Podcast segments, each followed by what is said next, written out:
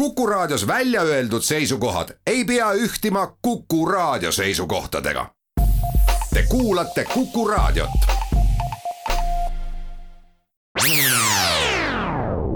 Restart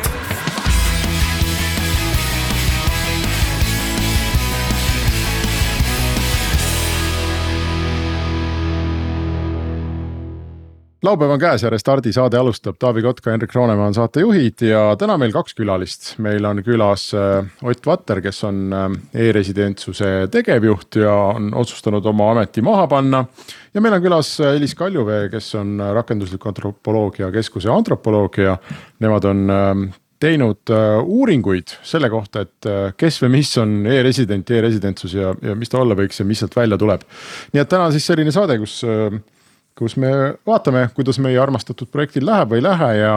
ja mulle tundub, et minu rolliks on juba saamas igas saates küsida Ott äh, lahkujate käest, meil on siin ridamisi olnud neid inimesi eelmistes saadetes ka, kes on lahkunud, et alustada midagi uut. ja siis mina saan küsida, et Ott, kas sa, kas sa lähed ise või sul paluti ära minna?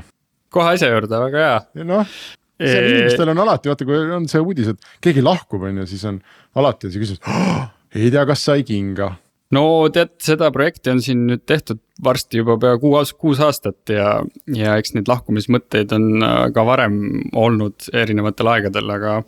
aga ma arvan, et täna on tiim ja programm sihukeses kohas, et, äh, et on kõikidest halbadest aegadest parim aeg anda see teatepulk üle, et äh, täitsa minu otsus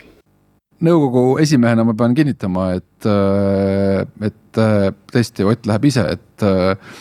ta andis sellest soovist meil juba ammu teada, et tõmbaks joone, et äh, Ott oli meil töötaja number kaks, kui ma õigesti mäletan, pärast Kasparit äh,, on nii? ja sa pidid tulema, ja sa pidid tulema alguses minu meelest kaheks kuuks. ja jäid, pidin... ja jäid, jäid kuueks aastaks. et selles mõttes äh, et see soov oli meil teada, aga jah, Siim Sikkutiga oleme olnud veenvad ja, ja suutsime pikendada seda lahkumist ikkagi, ma arvan, päris mitme aasta võrra, et. Äh, et päris hea veenmistöö ikkagi. Kas see on selline amet, Ott, kus äh, noh, kui sa, kui sa ehitad midagi ikkagi suhteliselt nullist, on ju, või, või noh, kindlasti toodet, mis või, või teenust, mis ei ole valmis ja. ja mis ei tea väga täpselt, mis ta võib-olla olla tahab ja kõik see noh, ja ümberringi ka nii-öelda investorid, kes sul on ka võib-olla ei tea päris täpselt, et kas see nüüd on ikka see. kuhu me kogu oma jõu peame panema, et see, see vist võtab läbi nagu mingiks hetkeks või? no investorid, investorid maksumaksjate näol on kindlasti ka sellise valvsama pilguga ja, ja sa oled ju kogu aeg avaliku tähelepanu all, ükskõik mida sa teed. et äh, loomulikult on see, on see väsitav, aga samas on see ka midagi, mida ei kujutaks ette, et väga palju elus teha saab, et äh, suurepärane võimalus. kusjuures see on selles mõttes ikkagi tänamatu töö, et äh, noh, me oleme siin selles saates ka ikkagi idealiseerinud seda startup'i kultuuri ja startup'i elu, et noh, et vaata ikka teed siin, muudad maailma ja ja kokkuvõttes, kui hästi läheb, siis noh, ikkagi miljonid ju sajavad, on ju. küll millegipärast ainult üksikutele inimestele, aga no siiski on ju, et ja kui läheb ikka väga hästi, noh siin mingid unicorn'i näited, et siis, äh, siis kokkuvõttes saab tiim ka, aga ja, ja siis kõik tahaksid sinna tööle minna, et kes tahaks Transferwise'is töötada, Pipedrive'is ja nii edasi, eks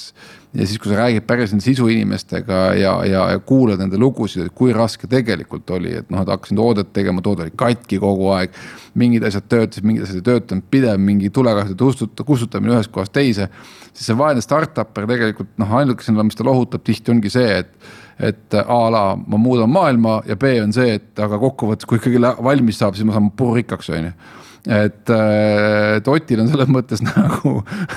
pisut kehvasti, et ainult ühe asjaga saab nagu ennast rõõmustada, et, et muudab maailma. puurikkaks kindlasti ei saa, sellepärast et tegemist on ikkagi riikliku startup'iga, ehk siis sellisel juhul nagu mingid optsioonid või mingid boonused nagu ei kehti, et. aga samas CV-s näeb see ju hea välja, ma ei tea, teie nüüd mõlemad olete seal kahekesi on ju riigis äh, töötanud, et kas see on argument, miks äh, noh, miks minna riiki tööle, et kui sa mõned aastad oled ja midagi teed ära et äh, siis see avab nagu uusi uksi ma käisin äh, eelmine aasta oma vanas koolis äh, rääkimas siis avaliku sektori tööst ja, ja sellest nagu võlust ja võimalusest võrreldes era, erasektoriga, ma arvan, et sa saad. kui sa tahad ära teha midagi ja sul on seda drive'i, siis sul on, need võimalused on ikkagi tohutud. mitte ainult nüüd noh, e-residentsuses, aga Taavi võib lisada ministeeriumis tegelikult, kui sa, kui sul on ambitsiooni, siis need võimalused riigis midagi ära teha, ma arvan, et Eestis. kuna see aparaat on õhuke, on, on harukordsed ja see kogemus erasektori jaoks, ma arvan, et on, on päris asjalik, et tasuks mõlemat teha, on minu arvamus, proovida. Vähemalt no minu motivatsioon on hoopis mujal, et mul oli ikkagi see motivatsioon, et äh, et kuidas saada võimalikult keerukene, keerukas probleem endale lahendamiseks ja võimalikult palju neid keerukaid probleeme, ehk siis. noh, kui sa võtad nagu erasektori, siis noh, väga paljud nendest sektori nii-öelda siis distsipliinidest on välja kujunenud, ehk siis neid radikaalselt muuta, no ma ei tea ma tea, keeran taksonduse pea peale, teen Uberi on ju näiteks midagi sellist, et ega neid võimalusi väga palju ei ole. ja palju rohkem on neid võimalusi just nagu avalikus sektoris, kus sa saad noh nii-öelda ühiskonda muuta või, või, või mingit protsessi toimimist või. või, või, või mingit pettust ära hoida või mis iganes, et ja selle läbi nagu riigile rohkem tulusid teenida, et kui sa tahad otsida nagu keerulist probleemi. mis võiks riigile teenida noh sadu miljardeid või sadu miljoneid eurosid, et, et siis erasektoris sellist probleemi leida on, on, on keerulisem aga erasektoris on ka, ma just äh, tuletan meelde, ma sel nädalal rääkisin äh, Alvar Lumbergiga, ma ei mäleta, Taavi, kas tema on meil siin Restardis käinud, äkki isegi on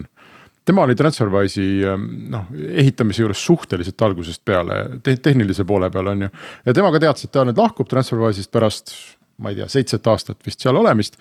ja, ja ta tõi põhjenduseks millegi, mida on ju ka varem ähm, meil siin saates käinud inimesed toonud, et, et vot, et see asi kasvas nii suureks, et äh, noh, et ma ei tundnud enam, et ma tahaksin töötada sellises väiksemas keskkonnas, kus saab kiiremini midagi ära teha, kus on kogu aeg on mingi jama, eks ole, mingi risk. Lähed tööle, teed kohe midagi paremaks, et, et mingil hetkel noh, organisatsioonid jõuavadki täitsa teise faasi. ja, ja siin ongi vaja teistsuguseid inimesi, keda meil õnneks ka Eestis nüüd juba ju on, aga et erinevad asjad vist sobivad nagu väga erinevatele inimestele, kisub tagasi sinna ulgumerele nii-öelda. no ma ei tea, kas sa Ott, me räägime nüüd sinu, sa oled küll meil saates, aga me räägime sinust, nii et sa ei saa rääkida. sa võid ise öelda, et kas kisub tagasi ulgumerele või, või kisub edasi või? Jällegi, ma arvan, et, et tasuks proovida erinevaid asju, et see nõu, mis ma, mis ma vanas koolis ka andsin noortele, oli see, et. et mine vaata mõlemale poole, avalikus sektoris on neid võimalusi ja seda vastutust, ma arvan, nagu short time antakse sulle rohkem.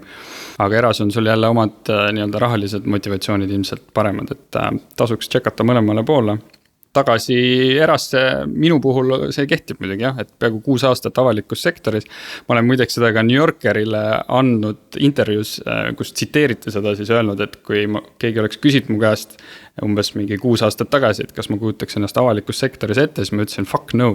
ja siis see läks New Yorkerisse sisse niimoodi suure rasvase tsitaadina e,. aga no tõesti, ma ei kujutanud seda, seda kunagi ette, täna vaatan tagasi, et ei, ei kahetse otseselt äh, midagi, et palju on tehtud aga mõtlengi, et äh, Ott Otiks ja Ott tegelikult vääriks omaette saadet äh,. me täna leppisime kokku ikkagi, kuna meil on Elis ka, et me räägime e-residentsusest. et äh, enne kui me Elise juurde jõuame, et kui sa Ott praegu vaatad äh, noh, neid kuust aastat äh, et noh, nii-öelda kuulajale teha mingi vahekokkuvõte väike, et kuhu me praeguseks hetkeks oleme jõudnud, kus see projekt praegu on? No lühidalt alguses me ikkagi keskendusime e-residendile kui üldse kliendi otsimisele ja, ja sealt me jõudsime ju selleni, et see klient on olemas, aga see klient võiks meile ka mingit väärtust äh, tekitada, siis ettevõtte luua ja see ettevõte võiks hakata ka raha teenima ja, ja Eestile makse maksma, et. täna me oleme siis nagu startup induse faasis leidnud oma, oma toote, kliendi ja, ja nii-öelda product market fit'i ja on aeg nagu skaleerumiseks, et ähm,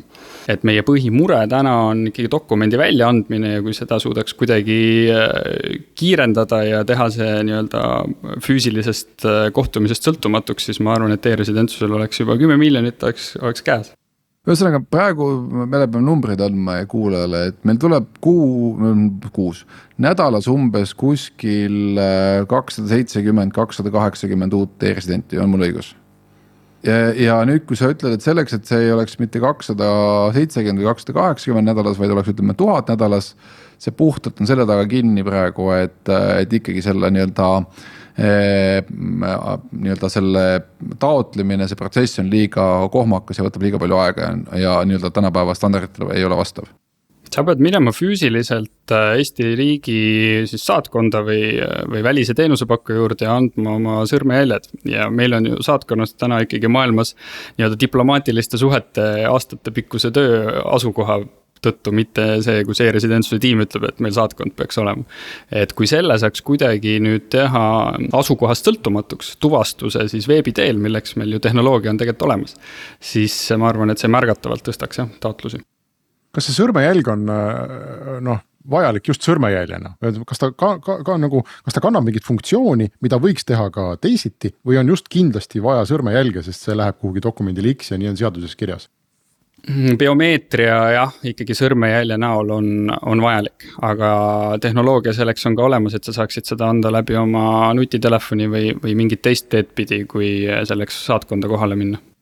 Põhimõte on ikkagi see, et äh, mis eristab tänast äh, e-residentsus toodet, noh, ma ei tea, mingi suvalisest Google Autentist ongi see, et Eesti riik ütleb, et meie kinnitame, et seadme taga on see isik. ja ainuke viis seda kinnitada on see, et me teame, et me suudame selle identiteedi kokku viia mingi biomeetriaga mida sul Google või Facebook ei suuda, on ju. ehk siis see on see, mille pärast seda nagu ei taheta alla, allapoole lasta seda latti, eks, et ja ma arvan, et on see õige, et ei tule, ei tulekski allapoole lasta seda latti aga siis see on ju justkui nagu lahendamatu probleem ju, et kui inimene peab minema füüsiliselt kohale ja endast mingi nii-öelda füüsilise tükikese kuhugi andma, siis äh, seda ongi väga keeruline noh kodus teha, et oled sa Indias, Pakistanis või Taanis või kus iganes no siin see nii-öelda potentsiaalne lahendus, mille poole me praegu pürgime, ongi erinevad ka Eesti ettevõtted, kes äh, isikutuvastust kaugelt teevad ja, ja, ja sõrmejälgi saaks anda mingi teise tehnoloogia abil, kui päriselt ühte kohta minna, vaid sa saaksid seda ise teha kuskilt äh, mujalt. No sa võid mõtle, Henrik, laiemalt, et äkki seesama, kes sulle selle paki toob sinna ukse taga, et mis siis, kui ta võtaks ka sõrmejälje sinu käest, on ju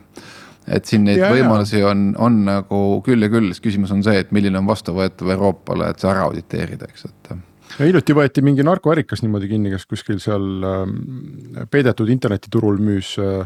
müüs mingit kraami ja siis ta võeti kinni selle järgi, et äh, ta oli vist postitanud kas sinna või sotsmeediasse või kuhugi foto endast. kus tal peopesa peal oli siis, ma ei tea, kanep või no mingi puru, on ju.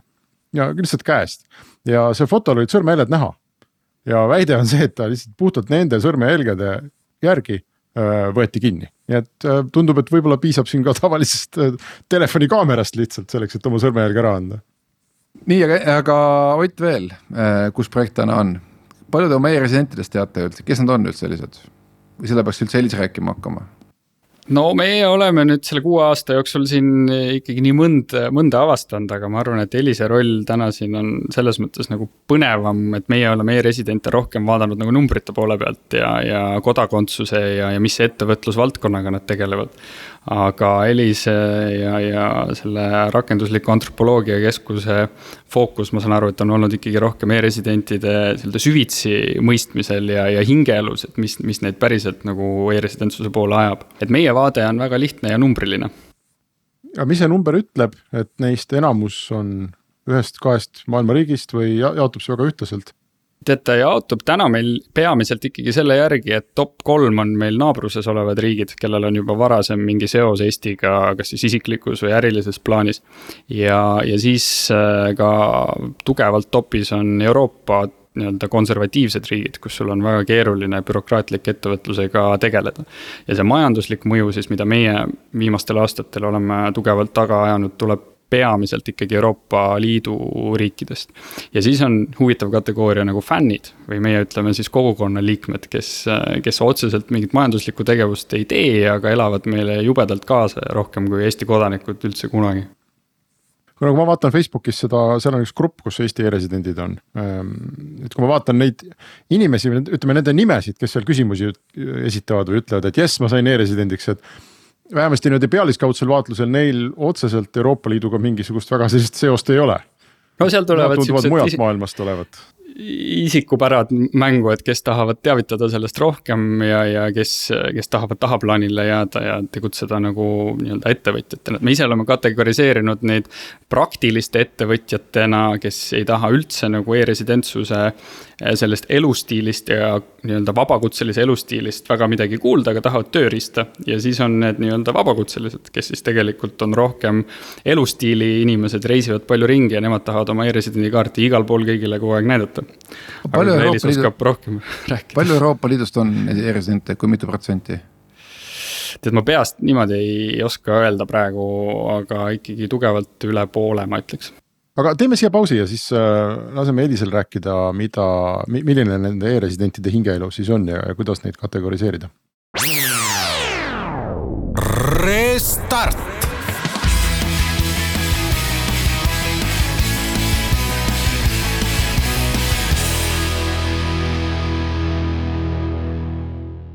start läheb edasi, meil on täna külas äh, e-residentsuse ametist lahkuv tegevjuht Ott Vatter ja, ja Elis Kaljuvee, kes on rakendusliku antropoloogia keskuse antropoloog. ja teie, Elis, olete uurinud mitut satsi seda e-residentide ähm, sellist olemust ja, ja, ja nende soove ja mõtteid ja probleeme. mis, Ott natuke kirjeldas, et kuidas see numbriliselt välja paistab, et kuidas teie neid liigitate või kuidas sina kirjeldaksid, et kes see e-resident on? Äh, Ott tegelikult väga hästi juba võttis kokku selle üldise pildi või see, mille, millest te ka meie uuringust ilmselt kinni hakkasite, et eelmisel aastal sai tehtud äh, uuring, mis vaatas natuke laiemalt sellist kaugettevõtja profiili ja sealt äh, tuli täpselt välja see pragmaatik, ehk siis kes otsib täpselt oma konkreetsele probleemile lahendust, see sõltub natuke asukohast. näiteks on tal siis vajadus siseneda Euroopa Liidu turule või siis ajada lihtsalt Euroopa Liidu partneritega asju ja tema enda koduriigis äh, ei ole see ettevõtlusvorm siis nii tuntud, nii et ta ei saa nendele teenustele ligi, et see on üks hästi-hästi konkreetne profiil. ja samamoodi need fännid hästi tuli välja minu meelest äh, Aasia kogukond eelmise aasta uuringust, kus nad siis kõik olid äh, jube, jube entusiastlikud ja, ja hullult neile meeldis see, see programm, aga et tegelikult nad väga ei kasutanud seda, et see jäigi sellise fännluse ja justkui millestki nagu uuest innovaatilisest osaks olemisse, et et just see, et ükski teine riik maailmas ei tee sellist asja, et see on justkui osa tulevikust, et see oli selline hästi põnev, põnev vaatepunkt. ja eelmise aasta uuringust siis veel muidugi tuli välja ka neid, kes kes siis arvasid, et tegelikult sellel e-residentsusel ei ole mõtet, kui sa oled äh, startup super, sest et siis on ikkagi nii sisse juurdunud äh, USA igasugused reeglid, et Eesti ei anna esialgu veel startup'i maailmale midagi juurde selles mõttes. et see oli nüüd sihuke konkreetsem, võib-olla kriitiline pool, et inimesed, kes seda ei vaja, aga nüüd, kui selle aasta uuringust ka natuke paralleele tuua, siis äh, järjest enam minu meelest äh, joonistub välja see, et ikkagi e-residendiks hakatakse mingil põhjusel, mingil vajaduse tõttu. ja enamasti selleks vajaduseks on ettevõtlusega alustamine või sellega jätkamine mingil, äh, mingil viisil, mingis vormis. et see siis võib olla põhjuseks see, et sa ei saa oma riigis asutada ettevõtet, sa liigud liiga, liiga palju, et neid erinevaid variante on väga palju. aga see ettevõtlus hästi selgelt joonistub välja välja. Äh, siis tahaks kindlasti ära mainida selle, et äh, et kõikidest nendest intervjuudest jookseb läbi, kui suur on usaldus tegelikult selle Eesti riigi vastu, et kui me mõtleme nüüd näiteks seda, et miks ei, miks ei kasutata näiteks Iirimaa võimalust või äh, laiemalt seda UK-s äri registreerimise võimalust, siis kohe-kohe tuleb siia taha see, et see on riik. Eesti on riik, Eesti valitsus on äge, äh, toetab sellist asja, et, äh, et jah, ühest intervjuust tuli ka täiesti välja, et täiesti uskumatu, et selline, selline riik on olemas, kes sellist asja asja teeb ja et kui ajalooõpikud ei ole muutunud, siis peaks muutuma, et valitsust saab asju teha ka teistmoodi. et äh, pragmaatilised vajadused, ma ütleks, ja, ja just see Eesti riigi tugi on hästi-hästi äh, suur ja seda ka väga väärtustatakse. aga mismoodi te seda uuringut teete üldse, et äh, põhimõtteliselt võtate kontakti, panete videokõne püsti, küsimustik on ees ja, ja annate minna või mis, mismoodi see käib üldse? Äh, ja selles mõttes, et äh, nüüd see, see aasta me oleme fookuseks võtnud rohkem äh, Saksamaa. Saksamaa oli siis täiesti ka e-residentsuse tiimi enda huvipunkti, sest ma saan aru, et Saksamaa peaks olema üks nendest suurtest vanadest, kes, kus siis tuleb päris palju neid,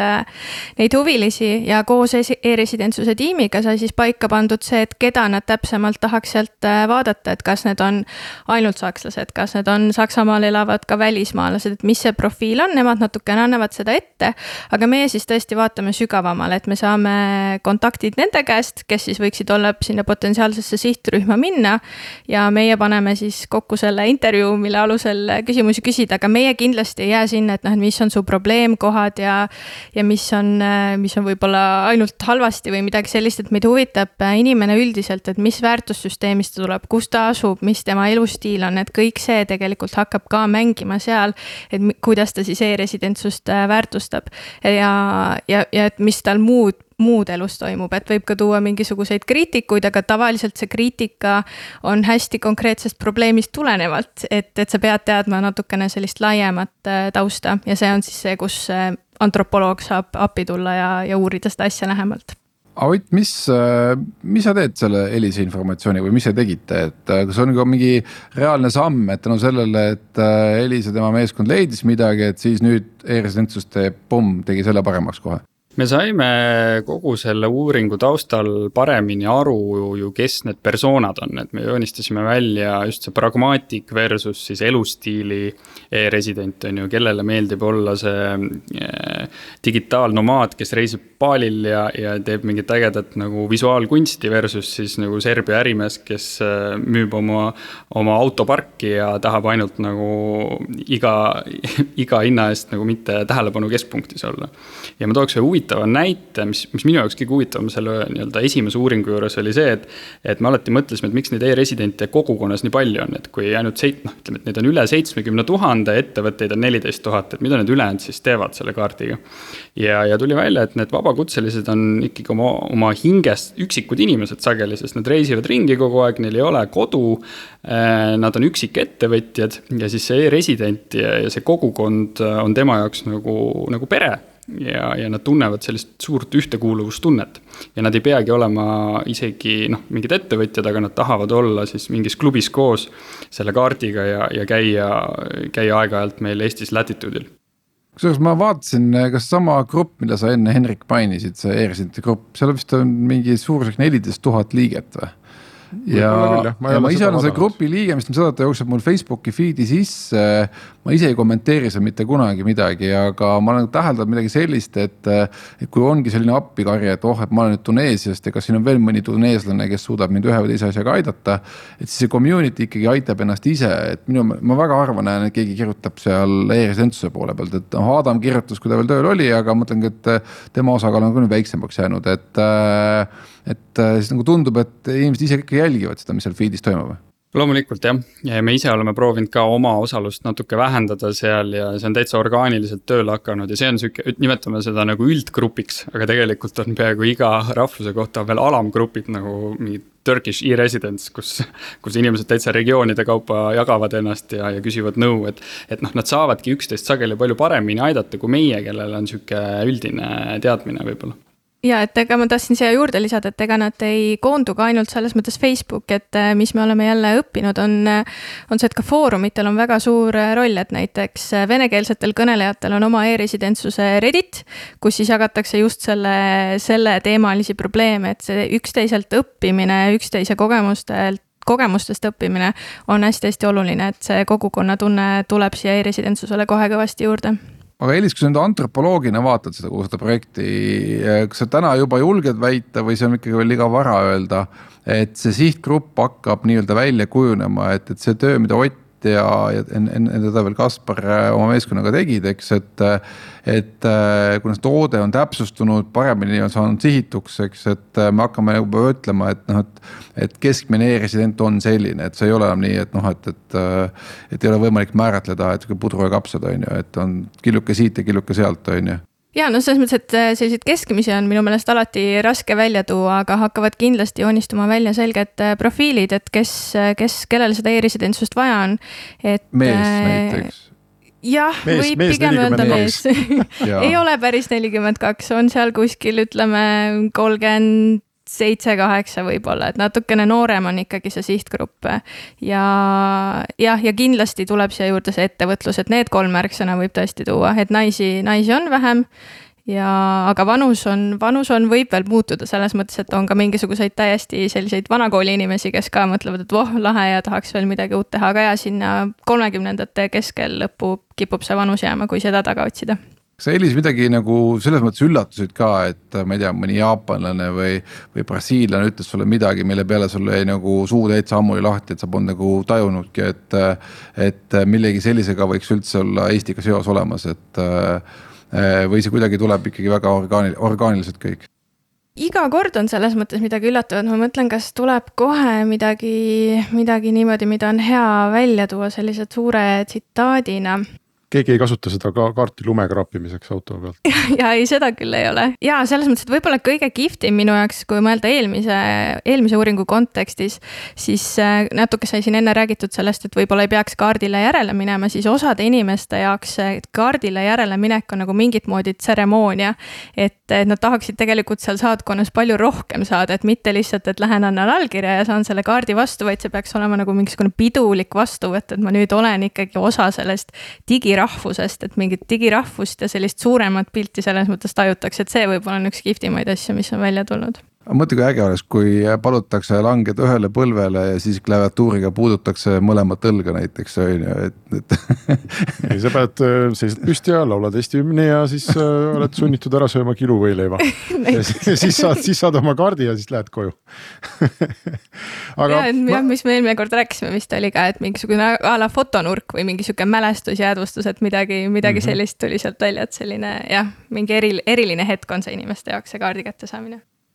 no kui seda e-residentsust ju, ma mäletan, hakati tegema, et siis äh, tal on, tal oli nagu tekkiski palju funktsioone külge, eks, et olid need mingid kuulsad esimesed Eesti e-residendid, kes äh, võtsid selle noh, lihtsalt sellepärast, et oleks cool ja see on uus asi ja noh, võib-olla ei olnud isegi plaani seda kasutada. ja siis olid meil, äh, ma mäletan, oli, siis oli üks, mis üks, üks sihtgrupp oli suurte, ütleme pigem noh, sellised nii-öelda päris ärimehed, kellel on midagi Eestis, on ju, neil on vaja digiallkirjastada, nad ei viitsi seal lennata. siis olid need nomaadid, kellest Ott rääkis ja, ja siis noh, ma ei tea, neljanda või viienda sihtgrupina olid mingid natuke kahtlase võitu tegelased kolmandast maailmast, kes tahavad Euroopa Liiduga midagi teha, on ju, ja nii edasi ja nii edasi. kas seal on hakanud mingi selline selginemine toimuma või ongi, et need noh, kõik need grupid eksisteerivad siiamaani ja, ja elavad täitsa rahulikult oma e-residendi elu ja, ja, ja kasvavad? Ma ütleks, et ähm, no ta on muutumises, et esialgu oli ju see, need välismaa tütarettevõtted või, või isegi siuksed suured telekomid ja nende nõukogu ja juhatuse liikmed, kes on välismaalased. Nad said lihtsalt äh, raha säästa ja aega säästa. Ja mingi hetk me siis kujutasime ette, et, et see suur turg on just äh, nagu Indias või, või Indoneesias ja väljapool, kes tahavad Euroopa Liitu ligipääsu. ja tänaseks me oleme jõudnud sinna, et, et ka need konservatiivsed, traditsioonilised Euroopa Liidu riigid oma olemuselt on nii tagurlikud ja võtavad nii kaua aega, et juba ettevõtlusega tegeleda, et, et sealt tuleb nagu suurim rahaline väärtus. et eks ta on sihuke nagu pidev õppimise protsess ja võib-olla me ei ole üldse avastanud seda, seda kullasoont veel aga mõtlengi, et äh, siin on äh, meedias läbi käinud eksitavat informatsiooni selle kohta, et äh, a la kui sul ei ole kaart enam aktiivne, et sa ei ole seda nii-öelda uuendanud. seal on, noh sõltuvalt, millal sa kaardi said, kas siis kolmeaastane või viieaastane tsükkel, eks, et et, et siis see nagu ei olekski enam e-resident, et, et noh, et alati on süüdistatud, et e-residentsus nii-öelda kommunikeerib oma e-residentide arvu valesti välja, et. mis seitsmekümnest tuhandest sa räägid, et aktiivseid kaarte on kuskil nelikümmend viis tuhat, et, et miks sa sellest numbrist ei räägi, et. et ma saan ikkagi aru, et sa staatuse mõttes, kui sa oled e-residendiks saanud, siis sa selleks ka jääd ehk siis äh, see, et sa lihtsalt ei oma nagu aktiivset ligipääsuvõimalust teenustele, et see ei tähenda seda, et, et sa, et sa seda nii-öelda seda, seda tiitlit või, või staatust ei kannaks. No ma ütleksin, tooks hästi lihtsa võrdluse, et äh, kui sa oled Eesti Vabariigi kodanik ja kaotad oma ID-kaarti ära, siis äh, see ei tähenda automaatselt, et sa nüüd oled kodakondsuseta ja, ja mul on umbes kakskümmend tuhat e-residenti, kellele ma võin kohe tutvustada neid inimesi, kes peavad ennast väga tugevateks e-residentideks äh,. isegi kui nende kaardi sertifikaadid on erinevatel põhjustel aegunud, et nad ei saanud õigel ajal sinna saatkonda minna, nad ei saanud uuendada seda, noh. ja, ja paljud neist ei kasutagi seda kaarti otseselt ära, aga nad peavad ennast ikkagi e-eestlasteks ja, ja ma arvan, et me riigina peaksime rohkem väärtustama seda punti. kas see selline community tunne on, kas, kas see on teie arvates nii tugev või tuleb uuringutest välja, et see on nii tugev, et me võiksime mõelda oma e-residentidest kui mingit sorti nagu Eesti, ma ei tea, pehmest armeest või? Noh, ühesõnaga mingist nagu mingist seltskonnast, keda on võimalik noh mobiliseerida näiteks mingil hetkel täiesti mingil ootamatul moel. Ma võib-olla jätaks Elisele selle sügavama vastuse siin, aga, aga minu selle nii-öelda vaatluse najal ma olen päris mitut lõputööd isegi juhendanud, kus on seda pehme jõu aspekti käsitletud. ja, ja see tõesti on väga, noh, me ei tohiks seda alahinnata, et kui sul on väike riik ja, ja, sul on kuskil seitsekümmend tuhat lisakodanikku ja e-kodanikku, kes siis tegelikult äh, sotsiaalmeedias väga häälekad on, kui midagi peaks meil siin nihu minema. siis ma arvan, et see on suur väärtus, jah ja nad on selles mõttes ka kindlasti kogu aeg riigi, riigi jaoks nagu väiksed promootorid, ehk siis pidevalt ja peaaegu igast intervjuust jookseb välja see, kuidas oma, oma kogemusest räägitakse ka nendele inimestele, kes üldse pole e-residentsusest kuulnud, ehk siis et nad jah, tuuakse väga palju välja seda sidet, mida nad Eestiga tunnevad. nii et, äh, nii et ja ei tasu allahinnata neid, nagu Ott ütles. teeme siit oma teise pausi. Restart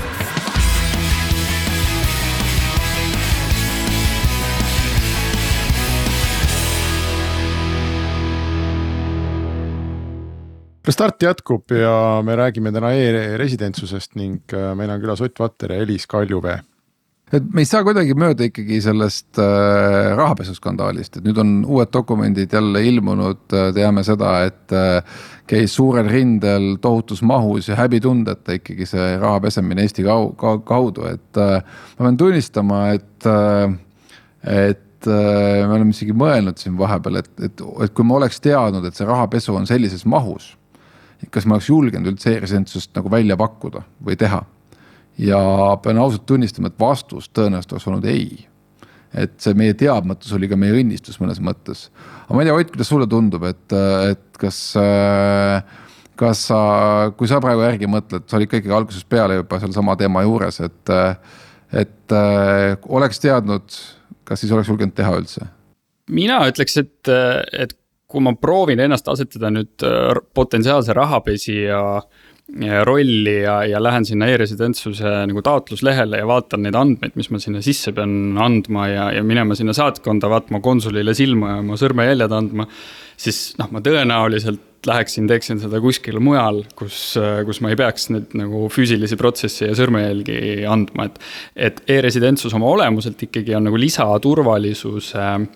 garantii, et need taustakontrollid on ja ajas palju tugevamaks läinud, et. et täna ma arvan, et on Eesti väga või ütleme, peaaegu kõige turvalisem koht, kus, kus rahapesu vastu on, on korralikud regulatsioonid, et. ma ei kardaks seda niimoodi, et ma arvan, et see on lisaturvagarantii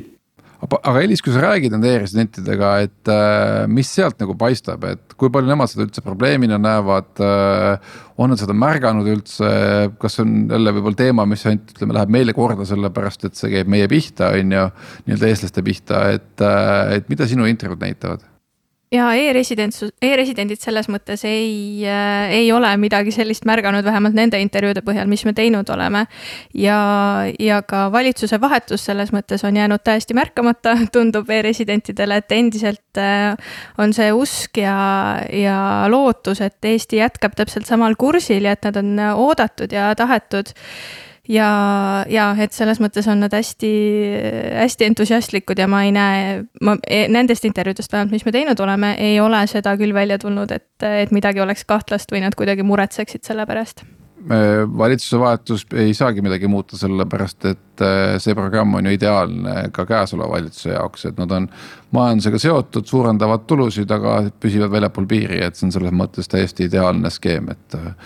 et, et ma arvan ja loodan, et see lähebki nagu väga palju veel edasi, et, et seegi ongi nagu võib-olla meie tuleviku valik, eriti veel Covidi tingimustes, et kuidas me hoiame äh, nii-öelda inimesed äh, ja nakatunud riigist eemal ja samas majanduslikult seotud ja aga nagu ma toon äh, välja just ühe hiljutise geeniuse artikli näiteks, kus politsei küberkuritegude büroole esitati kuriteoteade, äh, kuriteoteade e-resident Vikas Sainile kuuluva ettevõtte eest Oksi OÜ vastu. ettevõtet süüdistatakse kalastamises ja veebispämmis ja isegi DDoS rünnakute toimepanekus.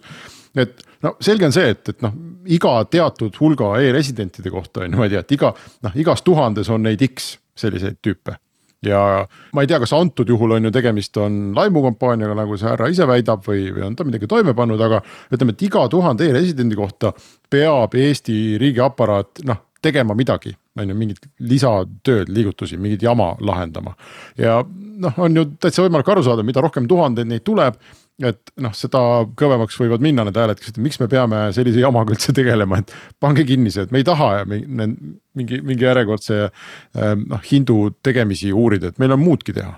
ja, ja ma ei tea, et mis sa siis ütled nendele, et see on teie töö, uurige, seadus nõuab no mina ütleks, et kui me vaatame neid tavaettevõtteid, kes ei ole läbi e-residentsuse loodud, siis, siis see seis seal on tegelikult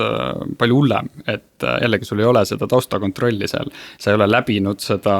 seda riiklikku protsessi ja, ja noh, neid ettevõtte müüjaid, matjaid on meil siin ju igal pool, et igas majanduskeskkonnas alati on sul keegi, kes on mingite halbade kavatsustega.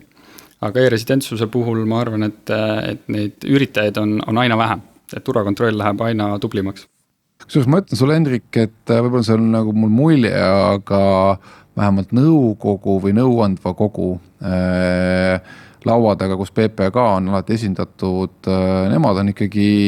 ülitublid, mulle tundub, et nad on tihti vaata et kõige suuremad fännid üldse kogu sellele programmile, et äh, kuigi nemad otsest tulu sealt äh, niimoodi ei saa, et, et, et see nii-öelda e-residentide maksutulu läheb ikkagi rahandusministeeriumisse, mitte ei, ei jookse kohe nagu PPA kontole, eks, et et võib-olla sihuke märkus juba kõrvale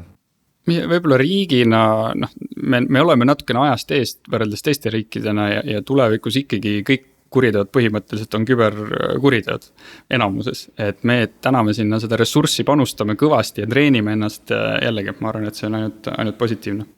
aga seda Henriku küsimusest kinni haarates, et noh, et, et a la, et, et noh, pange see juba ükskord kinni, on ju. et äh, noh, ma pean küll tunnistama, et ma olen teemaga rohkem seotud, tean rohkem numbreid, eks. et, äh, et see on küll selles mõttes etteheide, mida peab kogu programmile ikkagi äh, noh, tuleb nii-öelda öelda, et see on õige kriitika et nende aastate jooksul seda kogukasu sellele nii-öelda Eesti riigile ei ole suudetud ikkagi korrektselt kommunikeerida, et noh, käib läbi, käivad mingid numbrid. Eh, et a la maksutulu, otsene maksutulu aastas umbes seal kakskümmend miljonit, eh, riigilõivud seitse-kaheksa miljonit aastas. et, et selles mõttes numbrid käivad läbi, aga noh, kui sa vaatad nagu Eesti riigieelarvet, siis tundub, et noh, et nagu kakskümmend seitse miljonit või, või kolmkümmend miljonit või nelikümmend miljonit, et noh võrreldes kümne miljardiga on need ikkagi väiksed numbrid, on ju, et, äh, et äh, ja sealsamas on mingid numbrid, äh, mida maksukas nii-öelda ajab leti alt, ehk siis nagu e-residentidega seotud käibed, mis on seal pooleteist miljardi peal, kui sa räägid nende ettevõtetega, kes teenindavad neid e-residente, nemad ütlevad ka, et noh, ikkagi sadades miljonites on need käibed ja nii edasi, on ju. et äh, kui selle nagu majanduse küljest ära võtad, siis tundub nagu päris suur nagu auk või, või, või,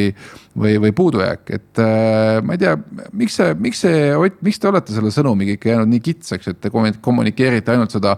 noh, ainult nende e-residentide otse makstud maksud, kus oli juhatuse liige e-resident ja asutaja oli e-resident ja ainult need maksud, mis on seotud äh, tulumaksuga, ma saan aru, ja sotsmaksuga, mitte enam käibemaksuga. seal on väga lihtne põhjus, et äh, mõned aastad tagasi, kui me siis Deloitte Eh, maksu, maksunõustamise osakonnaga tegime suure nii-öelda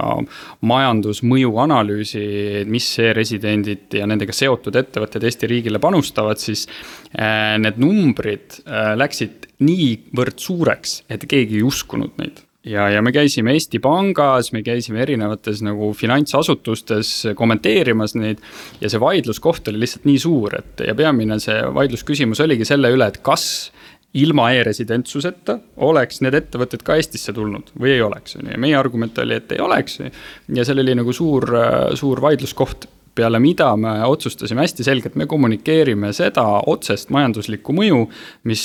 mis e-residentide poolt äh, maksude näol äh, Eesti riigile jäetakse, et see on nagu selge, arusaadav. ja me tegelikult äh, uurisime ka natukene nii-öelda Emori kaudu Eesti inimeste suhtumist ja arusaamist nendesse numbritesse ja testisime seda AB testimisega.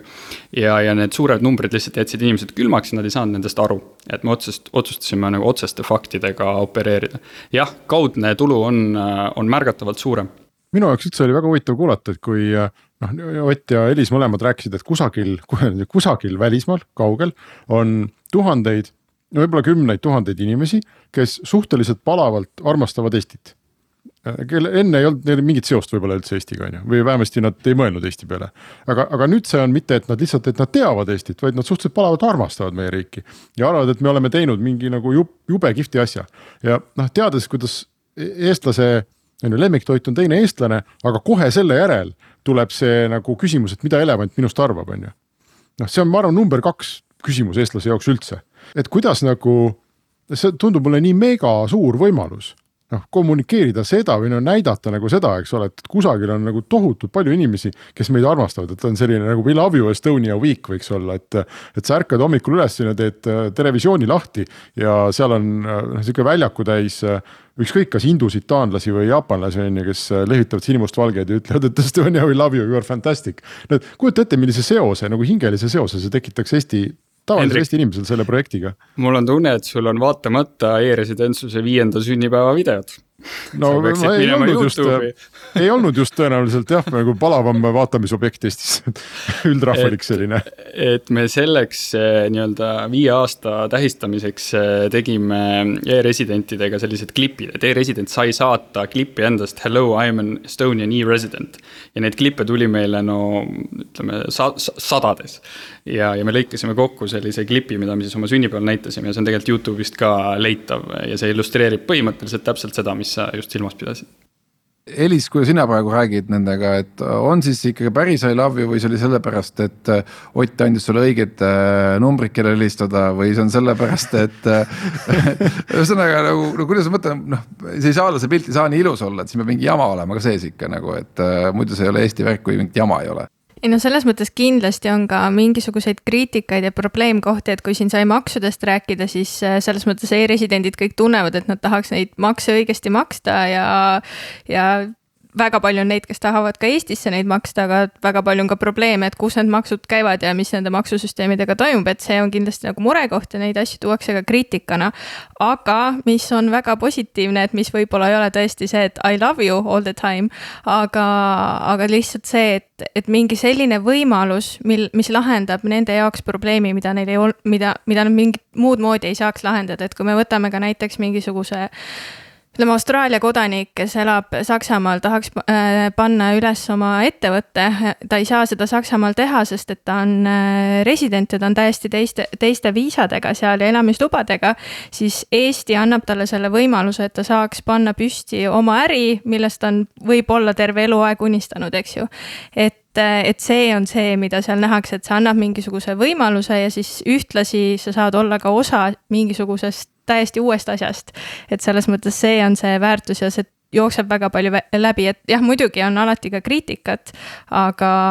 aga ma pean ütlema, et mingisugune üheksakümmend viis protsenti inimestest, kellega mina olen rääkinud, on ääretult positiivsed nojah, ja mitu iganes miljardit sa lõpuks selle projekti tuluks kirjutad, nagu sa Ott ütlesid, et ega noh, inimene ei saa sellest aru, et sa, sa võid nagu panna endale särgi selga, et ma tõin Eesti riigile kakssada miljonit. mina isiklikult on ju, ma ei saa aru, et kus, kus ma seda nägin, et. et noh, kas see, ma ei tea, ranitsa toetus, mida Tallinna linnavalitsus mulle maksis, oli osaliselt sellest või noh. seal seda ei ole võimalik seda seost nagu tõmmata, aga et noh, kui ma,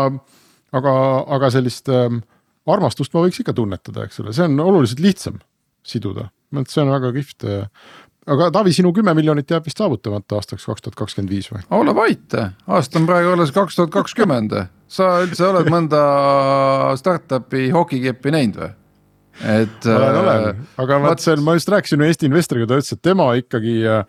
et, et tema ei julge ikkagi füüsilisse tootesse investeerida, sest sellega on alati igavene jama ja mingi igasugune okikepp jääb ära. siin me vist alustasime sellest, et meil on füüsiline komponent, mis on probleemiks ja tundub, et peame ka saate lõpetama sellega. Facebooki oli kaks tuhat kaheksa aastal, kaks tuhat neli alustasid Orkut ja Facebook äh, oma tegevust. kaks tuhat kaheksa oli Orkut suurem kui Facebook ehk ja, siis aga... ja, ja läbimurre tuli äh, kaks tuhat, mis see on, neliteist või?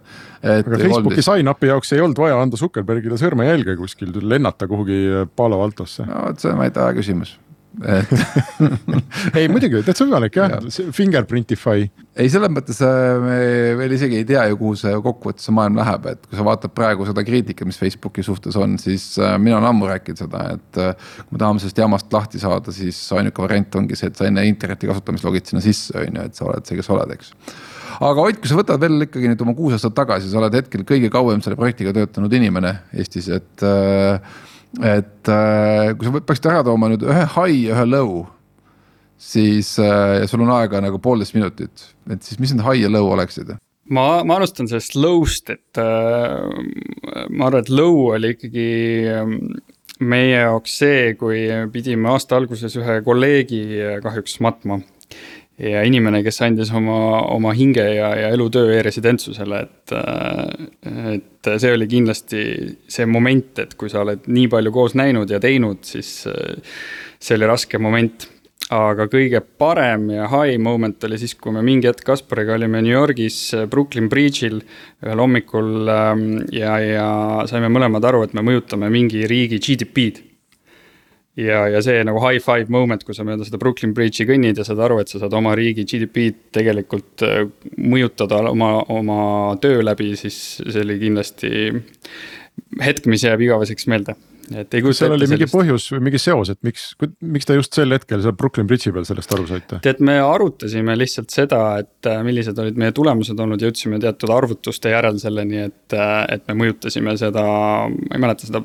nii-öelda null koma koma kohta, aga, aga ikkagi, et sa andsid päriselt panuse riiklikku tegemisse ja, ja ei tea, millal elus veel sellist võimalust saab väga hea, aga meie saade on läbi, aitäh kõigile osalejatele ja palju edu sulle, Ott ja ma usun, et me kohtume siin saates veel, kes teab, mis rollis ja, ja mida veel mõjutada saab, aga Restart on eetris jälle nädala aja pärast, nii et äh, kuulmiseni. Restart